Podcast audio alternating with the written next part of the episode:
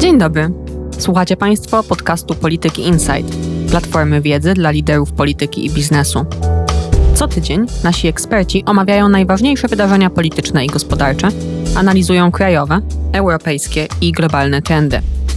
Ja nazywam się Hanna Cichy, jestem starszą analityczką do spraw gospodarczych i zapraszam do wysłuchania kolejnego odcinka i odwiedzenia strony internetowej politykainsight.pl. Temat katastrofy ekologicznej w Odrze od kilku dni zdominował debatę publiczną. W sprawę zaangażowały się służby, instytucje, wolontariusze i politycy wszystkich szczebli. Wciąż jednak mamy więcej pytań niż odpowiedzi. W momencie nagrywania tego podcastu jedyną oficjalną hipotezą co do tego, co zabiło ryby w Odrze, jest informacja minister klimatu Anny Moskwy o tym, że Instytut Rybactwa Śródlądowego wykrył w wodzie złote algi. To rzadkie mikroorganizmy produkujące zabójczą dla ryb i skorupiaków toksynę. Na razie skupimy się więc na tym, co pewne. Jak działa system ochrony wód w Polsce i kto jest za niego odpowiedzialny. W pierwszej części dzisiejszej audycji porozmawiam z profesorem Zbigniewem Karaczunem ze Szkoły Głównej Gospodarstwa Wiejskiego w Warszawie oraz ekspertem Koalicji Klimatycznej o instytucjonalnym krajobrazie i jego systemowych problemach. W drugiej zapytam Dominika Brodackiego, analityka do spraw energetycznych w Polityce Insight, o polityczne przepychanki nad martwą Odrą.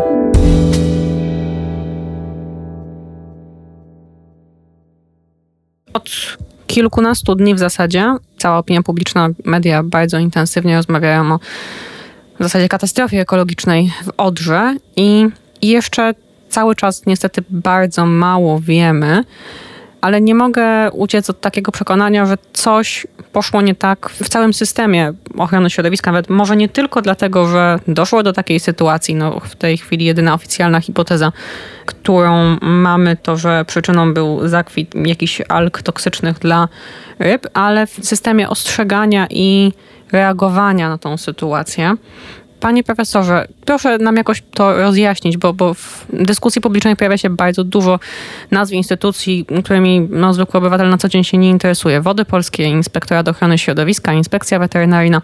Kto jest odpowiedzialny za jakość i ochronę wód w Polsce? Kto powinien był reagować, bić na alarm być może wcześniej. To ja może zacznę od tego, że to rzeczywiście jest katastrofa ekologiczna i to jest katastrofa ekologiczna wielkich rozmiarów. I to, co się dzieje w tej chwili od przeszło tych trzech tygodni na Odrze, pokazało, że system zarządzania ochroną środowiska w Polsce jest bardzo niesprawny, nieprofesjonalny i nie potrafi reagować w przypadku tego typu zjawisk, jaki właśnie występuje w tej chwili w okolicach Wrocławia, na Odrze, w zasadzie na całej długości rzeki, bo to nie tylko w okolicach Wrocławia, ale wszystkie miasta, które są położone przy tej rzece są tym zagrożone. Problem jest w tym, że istnieje znaczące rozdrobnienie kompetencji i niejasność kompetencyjna z jednej strony w zakresie zarządzania gospodarką wodną i ochroną wód, ale z drugiej strony ja mam też takie wrażenie, że ostatnie trzy tygodnie to jest taki okres psychologii. To znaczy, jedna instytucja mówiła: Nie, nie, to nie moja sprawa, ja się tym nie będę zajmował, ja tu nie, nie mam nic do roboty i spychało odpowiedzialność na inne instytucje. Pani wymieniła trzy z nich. Wymieniła Pani przedsiębiorstwo wodne Wody Polskie. To jest taka instytucja, która stworzona została kilka lat temu po przejęciu przez obecną koalicję władzy, kiedy zlikwidowano system zarządzania gospodarką wodną oparty na tak zwanym zarządzaniu zlewniami, czyli to był Generalny Zarząd Gospodarki Wodnej, któremu podlegały regionalne zarządy gospodarki wodnej i one były odpowiedzialne za gospodarkę wodną. Ta likwidacja w moim przekonaniu miała przede wszystkim na celu dokonanie zmian personalnych. To znaczy ona kompletnie nie usprawniła systemu zarządzania wodami w Polsce, tylko po prostu pozwoliła na to, że wymieniono w zasadzie wszystkich szefów. Natomiast tu jest jakby jednoznacznie wskazane Wody Polskie jako instytucja, która ma zarządzać wodami.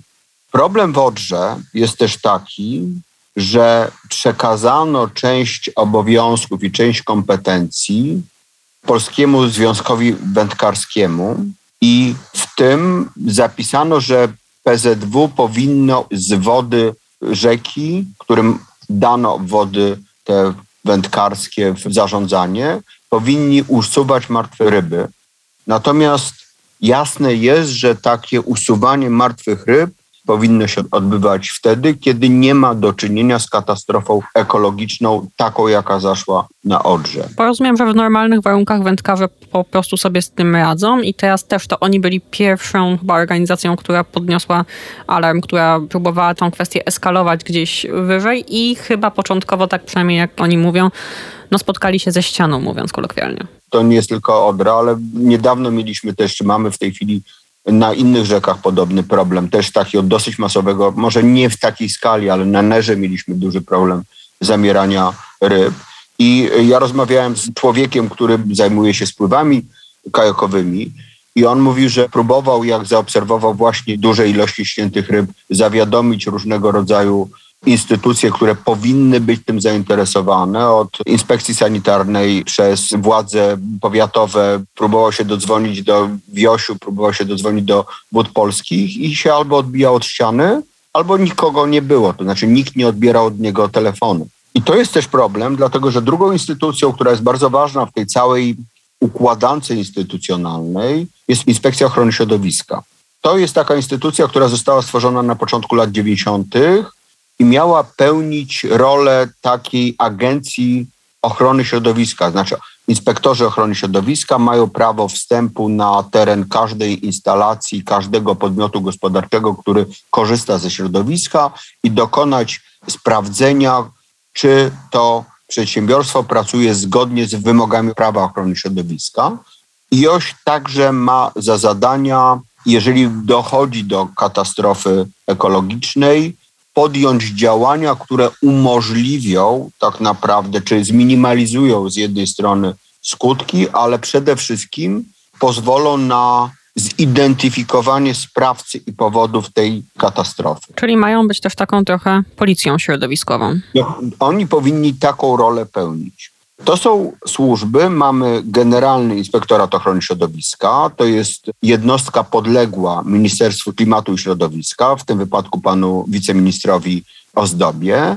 Natomiast tak naprawdę uprawnienia GIOŚu, czyli tego Głównego Inspektoratu Ochrony Środowiska, nie są zbyt duże, bo on jest przede wszystkim odpowiedzialny za prowadzenie monitoringu środowiskowego, czyli mamy coś, co się nazywa Państwowy Monitoring Ochrony Środowiska i w ramach tego monitoringu pobierane są w określony czasie, w określony sposób próby wody, powietrza, innych rzeczy, żeby wiedzieć, jak wygląda stan środowiska w Polsce.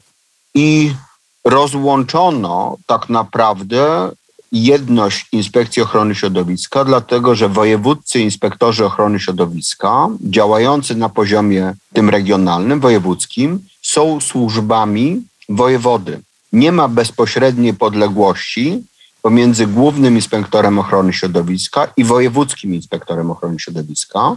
Każdy z tych inspektorów działał nieco odrębnie. To znaczy, on działał w ramach swojego województwa i jakby nie było tej koordynacji działań między poszczególnymi inspektorami na całej długości rzeki. Czyli jeżeli jakiś wypadek, jakiś problem przekracza granicę województwa, to inspektor mówi: Dziękuję, ja już skończyłem, umywam ręce, teraz ty się zajmij. No i to jest bardzo duży problem nie tylko w przypadku wody, no bo większość problemów środowiskowych no nie zauważa tego, że przekracza jakieś granice administracyjne. Głównym według mnie grzechem Inspekcji Ochrony Środowiska prawdopodobnie wynikającym z tej właśnie braku koordynacji, braku bezpośredniej podległości, było to, że już jak były te pierwsze sygnały, czyli 26, 7 czy 8 lipca, o tym, że mamy masowe śnięcie ryb na Odrze, już wtedy powinny być podjęte badania w miejscach na rzece powyżej tego miejsca, gdzie doszło do tego wypadku, żeby zobaczyć, co tam się stało. I tu znowu mamy problem braku jakby strukturalnego administracji, dlatego że za wydawanie pozwoleń o zrzucie wód, ścieków, czy wód podgrzanych przez elektrownię, czy też zrzucie wód słonnych z kopalni do Odry decydują wody polskie. I tutaj znowu wody polskie w tym momencie powinny dokonać takiej analizy wszystkich pozwoleń, które uzyskały podmioty na tym wcześniejszym odcinku Odry, żeby zobaczyć, czy tam mogły znaleźć się substancje, które doprowadziły do takiej sytuacji. Gdyby była między tymi dwoma instytucjami współpraca, to wody polskie powinny powiedzieć Inspekcji Ochrony Środowiska, proszę dokonaj badań, czy przeprowadź kontrolę w takich i takich podmiotach. I pod kątem tego i tego, już szukając czegoś konkretnego. Dokładnie tak. I wtedy moglibyśmy wiedzieć, co się wydarzyło. Ta niespójność administracyjna spowodowała też, że w moim przekonaniu nie pobrano odpowiedniej ilości prób, nie prowadzono odpowiedniego monitoringu, już jak wiadomo było, że jest problem, na całej długości rzeki. Pan minister Ozdoba i pani z Generalnej Inspekcji Ochrony, czy tam z tej Państwowej Inspekcji Ochrony Środowiska, chwalili się, że od początku katastrofy pobrano 300 prób do analizy. No to jest chyba niedużo jak na rzekę, która przepływa przez cztery województwa. Dokładnie tak, to jest 29 punktów pomiarowych, 23 dni, czyli tak naprawdę jedną próbę pobierano co 6 dni. Tak statystycznie wychodzi, być może pobierano częściej z jakichś miejsc, ale nie było możliwości sprawdzenia tak naprawdę na profilu całej rzeki, co w tej rzece płynie. Czyli jeżeli to była inna przyczyna niż w tej chwili, co próbuje się mówić, że to są te złote glony, notabene w moim przekonaniu, jeżeli tak jest, to jest jeszcze gorzej i to jest jeszcze większa katastrofa niż gdyby to były wypuszczenie substancji toksycznych do rzeki przez jakiś podmiot gospodarczy.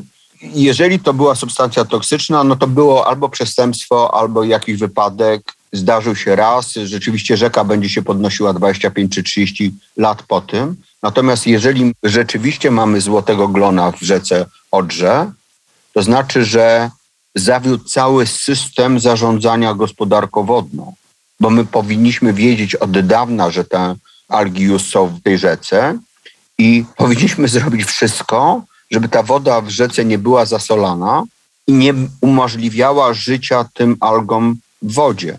Bo jeżeli myśmy je puścili, to my możemy dzisiaj wpuszczać, czy za pół roku zacząć wpuszczać na rybek do rzeki, natomiast może się okazać, że ta rzeka będzie stale zatruwana i stale będzie mieli śnięcie ryb, bo to jest organizm, który tam wszedł i będzie w nim żył. Znaczy, no, zanieczyszczenie przepłynie, zabije, rozcieńczy się, wypłynie. Jeżeli mamy tam biologiczne przyczyny, no to jest rzeczywiście ogromna tragedia i długoterminowe zagrożenie dla jakości wód rzeki. A czy mamy w ogóle jakiś system profilaktyki? Ja rozumiem, że te inspektoraty ochrony środowiska mają pod sobą bardzo szeroki zakres obowiązków i no nie da się wyłapać wszystkiego, ale wyobrażam sobie, że kontrole jakości wody w rzekach powinny być jakoś cyklicznie robione i wtedy można by wychwytywać pewne zagrożenia czy czynniki ryzyka wcześniej. Na przykład to, że środowisko zmienia się na takie, w którym mogą pojawić się takie a takie glony. Znaczy ja powiem tak, że system zapobiegania, prewencji czy zasada prewencji w ochronie środowiska jest jedną z zasad systemu zarządzania ochroną środowiska. Temu służy między innymi obowiązek uzyskiwania czegoś, co nazywa się pozwolenie wodnoprawne, Czyli to jest decyzja administracyjna, którą musi uzyskać każdy podmiot gospodarczy korzystający z wód. Na pobranie wód na swoje potrzeby gospodarcze i na odprowadzenie do wód ścieków. No i to jest decyzja wód polskich. Te decyzje wydawane są też na podstawie tak zwanych operatów wodnoprawnych, czyli podmiot, który uzyskuje taką decyzję, musi przedstawić analizę naukową, czy taką analizę merytoryczną, która wskaże, że te substancje, które są do tych wód w tym miejscu odprowadzane, nie spowodują przekroczenia dopuszczalnych stężeń tych substancji w wodach rzeki. No ale domyślam się, problemem może być, nie wiem czy w tym przypadku Odry, ale generalnie, że jeżeli mamy rzekę, która przepływa przez tereny przemysłowe i jest tam kilkanaście powiedzmy przedsiębiorstw czy kilkadziesiąt, które coś zrzucają, no to to, co każdy z nich zrzuca, nie stanowi dużego zagrożenia, ale jak to wszystko pomieszamy i dodamy jeszcze do tego niski stan wód spowodowany suszą, to mogą się pojawić sytuacje niebezpieczne. Te decyzje są wydawane też na podstawie pewnego tła zanieczyszczeń. To znaczy, no, przynajmniej w teorii, przedsiębiorstwo Wody Polskie wie, jakie substancje są zrzucane w jakich punktach, z jakich podmiotów gospodarczych, wie, jakie są zdolności rozcieńczania i samooczyszczania się tych wód. W związku z tym na tej podstawie analizuje, czym dany podmiot gospodarczy może dostać decyzję administracyjną na zrzut takiej, a nie innej ilości substancji zawartych w ściekach. W związku z tym to teoretycznie funkcjonuje. Natomiast w pytaniu pani redaktor jest jedna rzeczywiście rzecz, która najczęściej nie jest brana pod uwagę i zapewne nie była brana pod uwagę, to znaczy susza i bardzo niskie stany wód. To na prosty rozum. Jeżeli zrzucamy do jednego metra sześciennego kilogram jakiejś substancji, to jej stężenie w tej wodzie nie będzie zbyt duże. Natomiast jeżeli tej wody jest mniej i nie jest metr sześcienny, tylko jest pół metra albo nawet jeszcze mniej, a tak się dzieje, jak jest susza i niskie stany wód, to te stężenie zaczynają być bardzo wysokie i bardzo niebezpieczne. I tutaj tak naprawdę my nie mamy mechanizmu, który by dostosowywał wielkość rzutu tych substancji do stanu wód w rzece. I nie wiem też na ile wiemy o tym i mamy mechanizm, który by nam mówił, jak te stężenia mogą wzrastać, jeżeli przepływ w rzece będzie niższy niż stany normalne. Pani minister Moskwa zapowiedziała 250 milionów złotych na cyfryzację w ochronie środowiska w gospodarce wodnej. I tak sobie myślę, że kwota pewnie w skali kryzysu, z którym mamy do czynienia, jest niewielka, ale i z tego, co Pan mówi, i jak porównuje na przykład doświadczenia tego skoku cywilizacyjnego, który się odbył w ostatnich latach w podatkach, w ubezpieczeniach społecznych, na ile tutaj poprawa gromadzenia i wykorzystywania danych pozwoliła na zwiększenie skuteczności, no również kontroli i wykrywania przestępstw, to wydaje mi się, że to może być rzeczywiście dobry krok, bo jeżeli te wszystkie dane, o których Pan mówi, i dane wód polskich, dane o przepływie wody i dane z kontroli i ochrony środowiska byłyby w jednym systemie, w systemie, który jeszcze na przykład byłby skalibrowany na to, żeby sam wykrywał jakieś zagrożenia. Ok, tu się podniosła temperatura, tu obniżył stan wody, to momentalnie ostrzeżenia dostają takie i takie jednostki i w tym terenie, i w terenach przyległych, to może nie dopuścilibyśmy do katastrofy na taką skalę? Odpowiem w ten sposób, że oczywiście dobrze, jeżeli stworzymy nowoczesny i stały system monitoringu jakości wód i on będzie lepszy niż w tej chwili, to znaczy będziemy rzeczywiście w sposób ciągły mierzyć parametry jakości wód. Ale to jest według mnie tylko jeden z problemów, które zostały obnażone przez katastrofę na Odrze. Dlatego, że podstawowym problemem jest nieudolność państwa i służb ochrony środowiska w zarządzaniu trudnymi sytuacjami. I to, że wrzucimy w tej chwili 250, 500 czy nawet miliard złotych system monitoringu i za te pieniądze kupimy aparaturę i sprzęt, to nie będzie oznaczać, że zarządzanie kryzysowe w przypadku katastrofy ekologicznej będzie bardziej skuteczne. To trochę można to porównać do tego, co się dzieje w szpitalach że szpitale kupują bardzo nowoczesne urządzenia do ochrony zdrowia, natomiast brak jest systemu i lekarzy, który by pozwalał na efektywne wykorzystanie tych urządzeń w leczeniu. I tutaj rozumiem jest podobnie, czy też pewną barierą jest problem dofinansowania ochrony środowiska i kadr, które tu stoją, czyli też trochę jak w pandemii się zorientowaliśmy, że Sanepid jeszcze jakoś tam działa, jak ma tylko od czasu do czasu sprawdzić, czy nie biegają karaluchy po restauracji, ale jak mamy kryzys i znaczne zwiększenie zapotrzebowania na usługi tej instytucji, to pojawiają się wąskie gardła i w ochronie środowiska jest podobnie. Ja myślę, że to jest niestety problem całej służby publicznej. Pracownicy, to są pracownicy budżetówki często, chociaż Wody Polskie teoretycznie to jest przedsiębiorstwo, więc powinny być wyższe pensje, zarabiają bardzo mało. I tam nie ma ludzi najlepszych. Nie przychodzą ludzie młodzi. Ja przygotowując się też do dzisiejszego podcastu, wszedłem na taką listę dyskusyjną pracowników wód polskich i to, co mnie najbardziej chyba uderzyło, to jest to, że był dialog młodego człowieka, który pytał się, czy warto się zatrudnić w tym przedsiębiorstwie. I kolejne odpowiedzi było: chłopaku, uciekaj. Tu nie ma perspektyw, tu nie ma profesjonalizmu, tu się niczego nie nauczysz. Myśmy tak naprawdę, mam wrażenie, że w Polsce zapomnieli, że siła państwa i waga państwa zależy od jakości usług publicznych świadczonych przez to państwo. Nie jest to siła, nie wiem, tego, że się zachwycamy swoją historią i swoimi dawnymi zwycięstwami i przewagami, tylko jak sprawnie państwo potrafi reagować na sytuacje kryzysowe.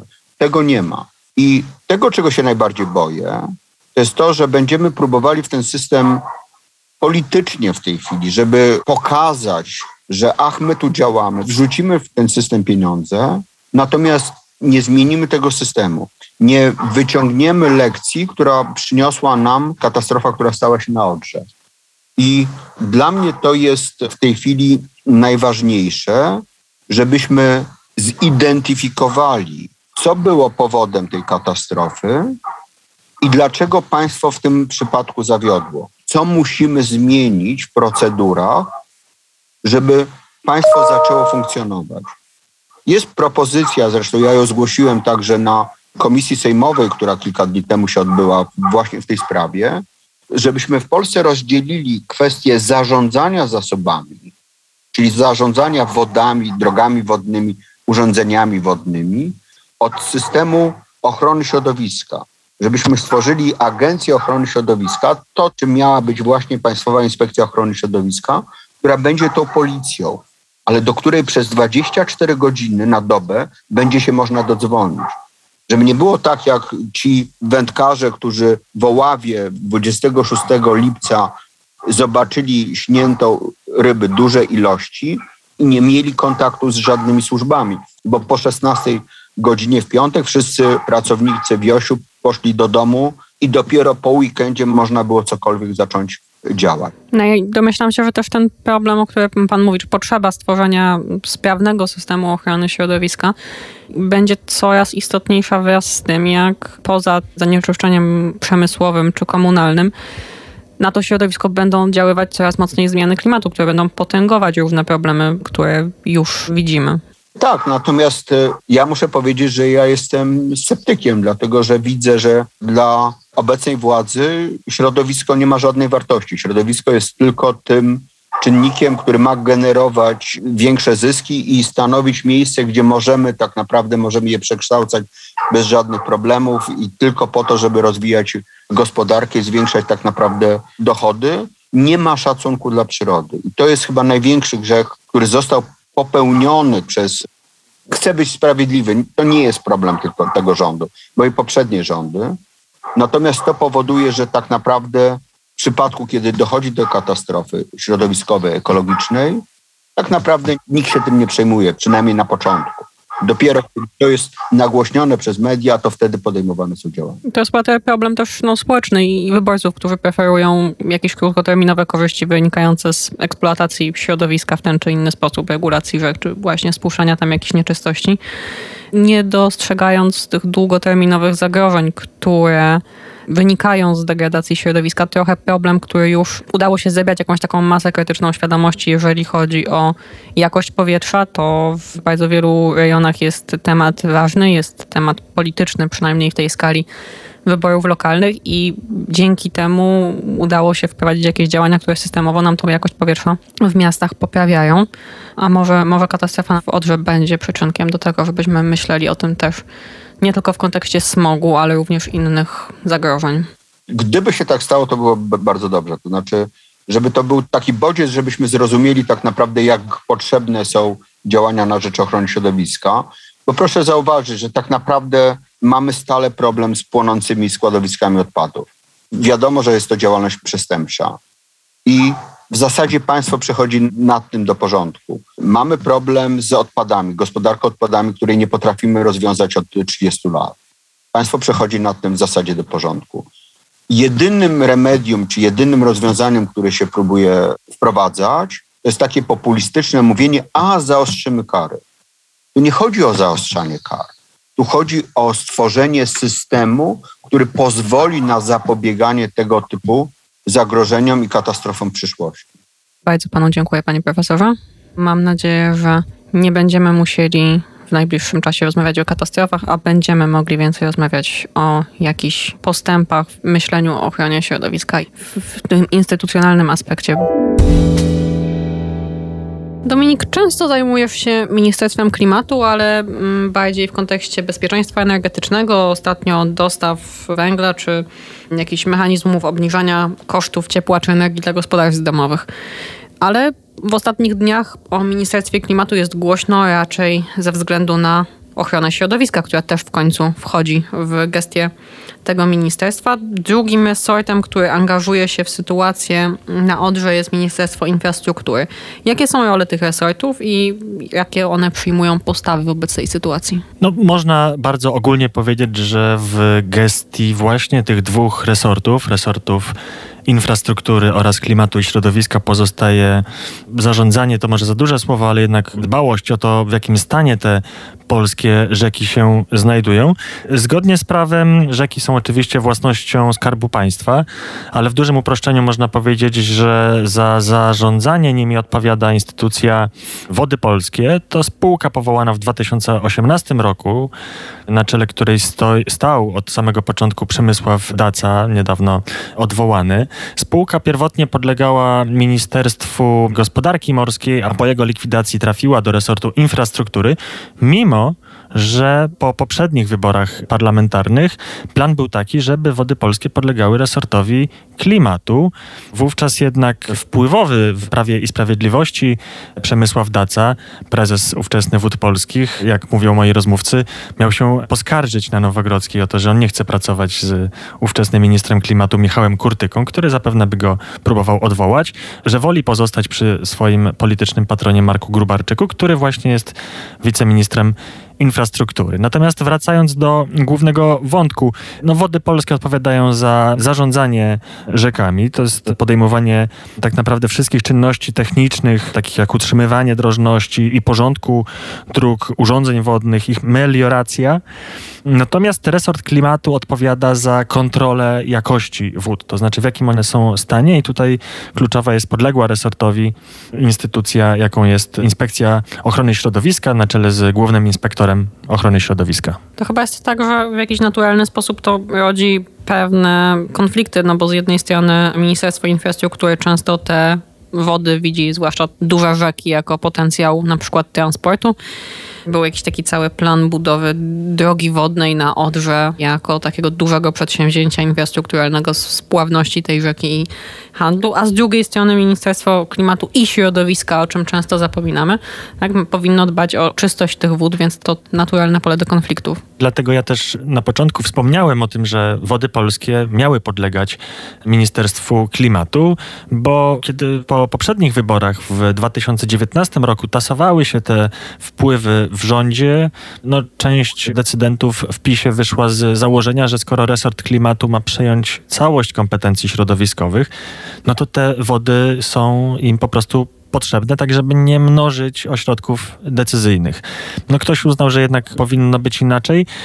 Na ile jest to konflikt interesów, to pewnie pozostaje kwestią interpretacji, bo też można powiedzieć, że skoro resort klimatu z jednej strony miałby zarządzać wodami, a z drugiej kontrolować stan tych wód, to tutaj też zachodzi konflikt interesów.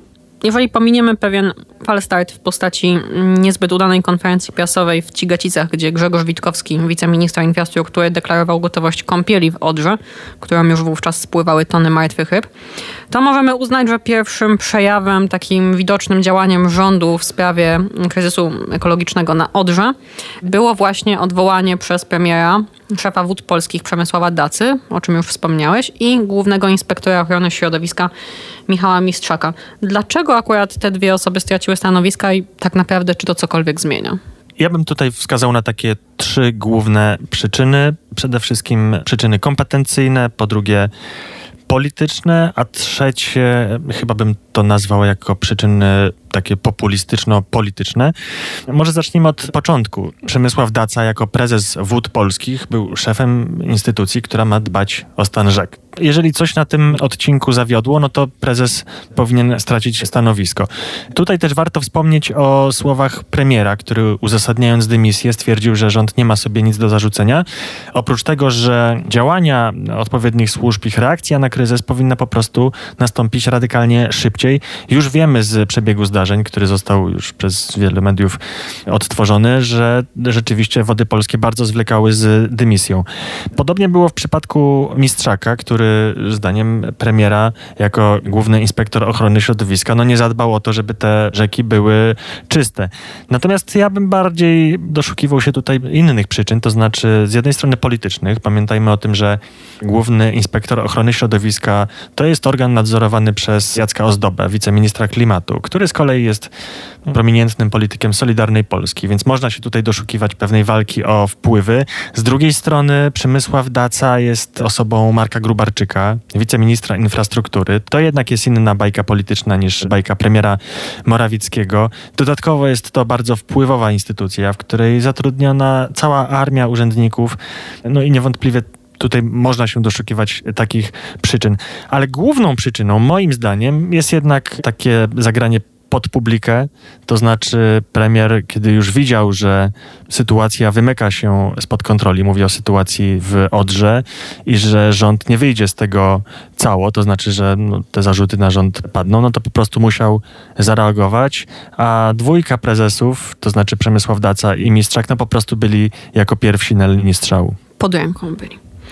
No właśnie tak głównym zarzutem w stosunku do rządu stawianym czy przez opozycję, czy przez środowiska eksperckie, czy organizacje pozarządowe jest to spóźnione działanie. Nawet nie chodzi o to, że, że w ogóle doszło do tej sytuacji, no bo nie wiemy jak do niej doszło i co dokładnie się stało, że jesteśmy w tym miejscu, w którym jesteśmy, że odjazd zatruta. Ale pierwsze informacje o śniętych rybach w lokalnych mediach pojawiają się jeszcze w lipcu. Pod koniec lipca Główny Inspektorat Ochrony Środowiska zaczyna pobierać próbki z rzeki. Od początku sierpnia bardzo mocno sprawę nagłaśnia posłanka Zielonych Małgorzata Tyacz. I większą aktywność rządu obserwujemy dopiero w drugim tygodniu sierpnia, gdy sprawa zrobiła się mocno medialna, nagłośniona innymi przez polityków opozycji. To zaangażowanie opozycji jest oczywiście nie tylko polityczne, chociaż na pewno również w samorządowym sztabie kryzysowym brał udział Donald Tusk, Jacek Sutryk, czyli prezydent Wrocławia i Elżbieta Podolak, oboje są członkami samorządowego ruchu Tak dla Polski, organizowanego przez prezydenta Sopotu Jacka Karnowskiego i związanego w jakiś tam sposób, czy sympatyzującego z Platformą Obywatelską. W czwartek odbyło się specjalne posiedzenie Senackiej Komisji do Spraw Klimatu, w którym wzięli udział samorządowcy, głównie właśnie związani z opozycją, ale zaproszenia nie przyjęli na to posiedzenie ministrowie czy przedstawiciele ministerstw. No ale z drugiej strony trudno, żeby te samorządy nie angażowały się w tą sprawę, bo to oni są pierwsi na linii tego ekologicznego frontu.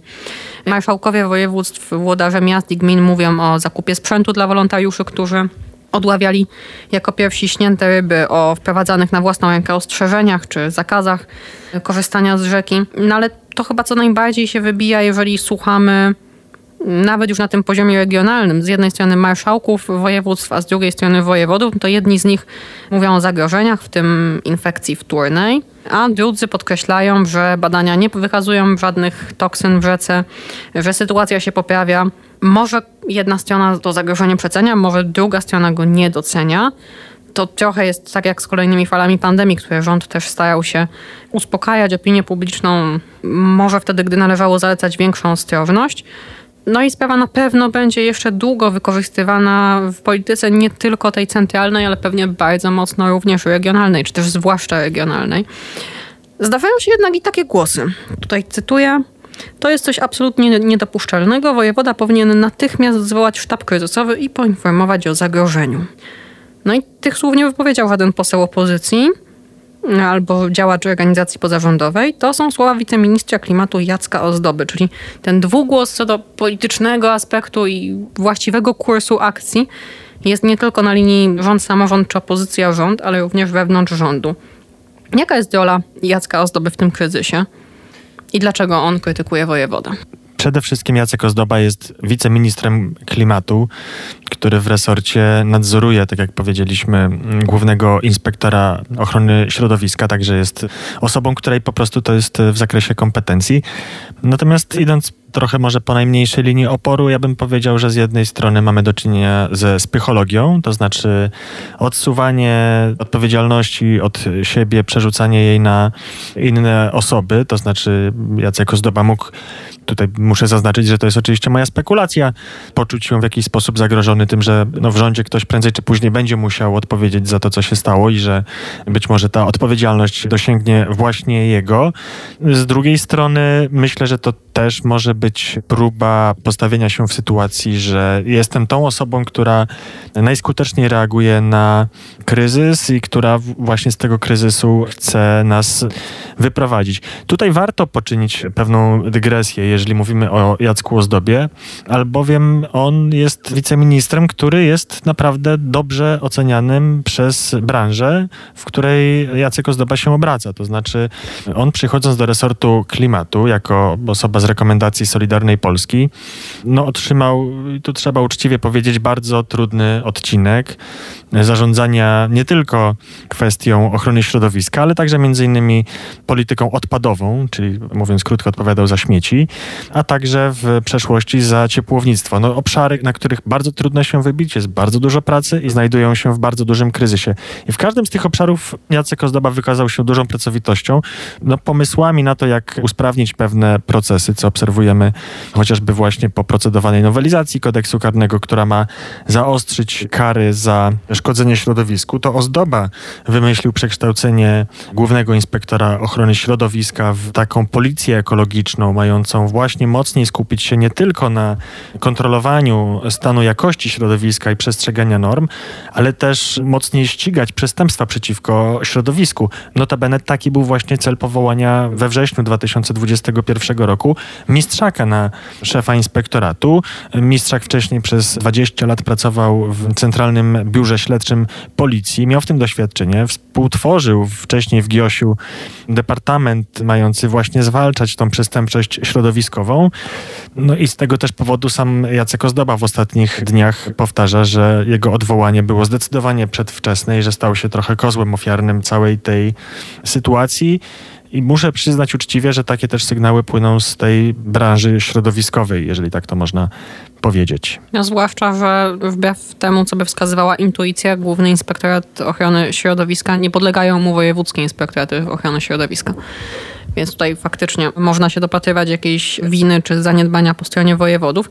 Ja dzisiaj słuchałam tej komisji senackiej i tego, co mówili na niej i samorządowcy, i wędkarze, chociaż nie wiemy dokładnie na tym etapie, co się stało i w tej warstwie środowiskowej, i jak dokładnie które procedury zawiodły, ale chyba można już postawić tezę, że mamy tutaj do czynienia z jakąś zawodnością państwa. Warto wspomnieć, że wody polskie, które powstały na początku 2018 roku, kompetencje do zarządzania wodami przejęły właśnie w dużej mierze od samorządów. Tajemnicą Poliszynela jest to, że chodziło przede wszystkim o pieniądze, bo wody polskie odpowiadają innymi za wydawanie zgód wodnoprawnych, co jest oczywiście dużym źródłem ich przychodu. No a dzisiaj trochę unikają tej odpowiedzialności za obecną sytuację. Wspomniałeś już o tym wątku takim powiedzmy kryminalnym.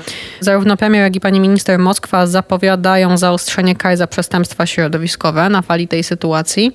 Zresztą zupełnie przypadkiem tak się składa, że na dniach prezydent podpisał ustawę zaostrzającą kary właśnie za przestępstwa środowiskowe, tylko że pisaną rok czy dwa lata temu pod presją płonących wysypisk śmieci.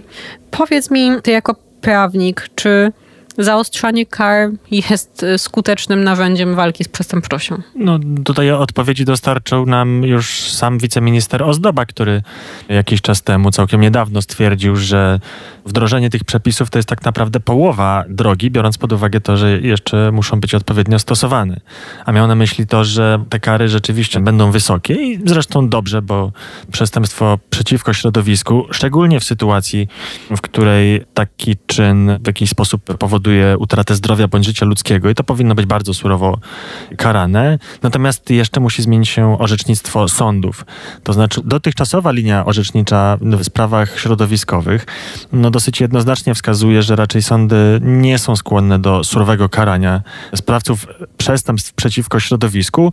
Często dają na przykład zawiasy, orzekają kary grzywny, innego rodzaju mandaty, no co nie odstrasza od popełnienia kar, a już nauka kryminologii wiele lat temu udowodniła, że tym, co najskuteczniej odstrasza potencjalnych sprawców od popełnienia czynu zabronionego, nie jest wysokość kar, tylko nieuchronność bycia ukaranym. Parę spraw w funkcjonowaniu administracji musi się zmienić. To, co wszyscy także w środkach masowego przekazu powtarzają eksperci, że no nie może być tak, że my nie wiemy, w jakim stanie są rzeki. Mi strasznie przeszkadza taki chaos kompetencyjny, także o którym tutaj rozmawialiśmy wcześniej, to znaczy całkowicie niejasny dla no tak naprawdę użytkowników wód poniekąd. Podział odpowiedzialności za to, co się z tymi wodami dzieje, to znaczy gdzie się zgłosić, kto odpowiada za kontrolę jakości, komu mam zaufać, że jeżeli korzystam z rzeki, to ona jest w odpowiednim stanie i nie dostanę na przykład wysypki. No to oczywiście umożliwia pewnego rodzaju psychologię, z którą mamy do czynienia teraz, natomiast to uproszczenie kompetencji środowiskowych wydaje się być nieuniknione no to są zmiany, które być może nas czekają. Może to będzie na fali inicjatywy właśnie ministra Grubarczyka, który zapowiedział w tym tygodniu, że w ciągu dwóch miesięcy powstanie specustawa dotycząca budowy systemu monitoringu wód. Będzie też pakiet dodatkowych inwestycji, w tym oczyszczanie ścieków, ale też rewitalizacja Odry i budowa zbiorników dla utrzymania poziomu wody, coś co jest bardzo ważne z perspektywy tej suszy, z którą się zmagamy i z którą na pewno będziemy się zmagać w kolejnych latach. Pozostaje nam trzymać kciuki za Odrę i za całą gospodarkę wodną w Polsce. Dominik, dziękuję Ci bardzo. Dziękuję. Na dziś to wszystko. Na kolejny odcinek podcastu zapraszam za tydzień, a w międzyczasie posłuchajcie naszych innych audycji, które znajdziecie w najważniejszych serwisach podcastowych: Spotify, Apple, Google, na SoundCloudzie i w aplikacji Adiatok FM. W pole wyszukiwania wpiszcie po prostu Polityka Insight. Słuchajcie, obserwujcie i komentujcie. Do usłyszenia.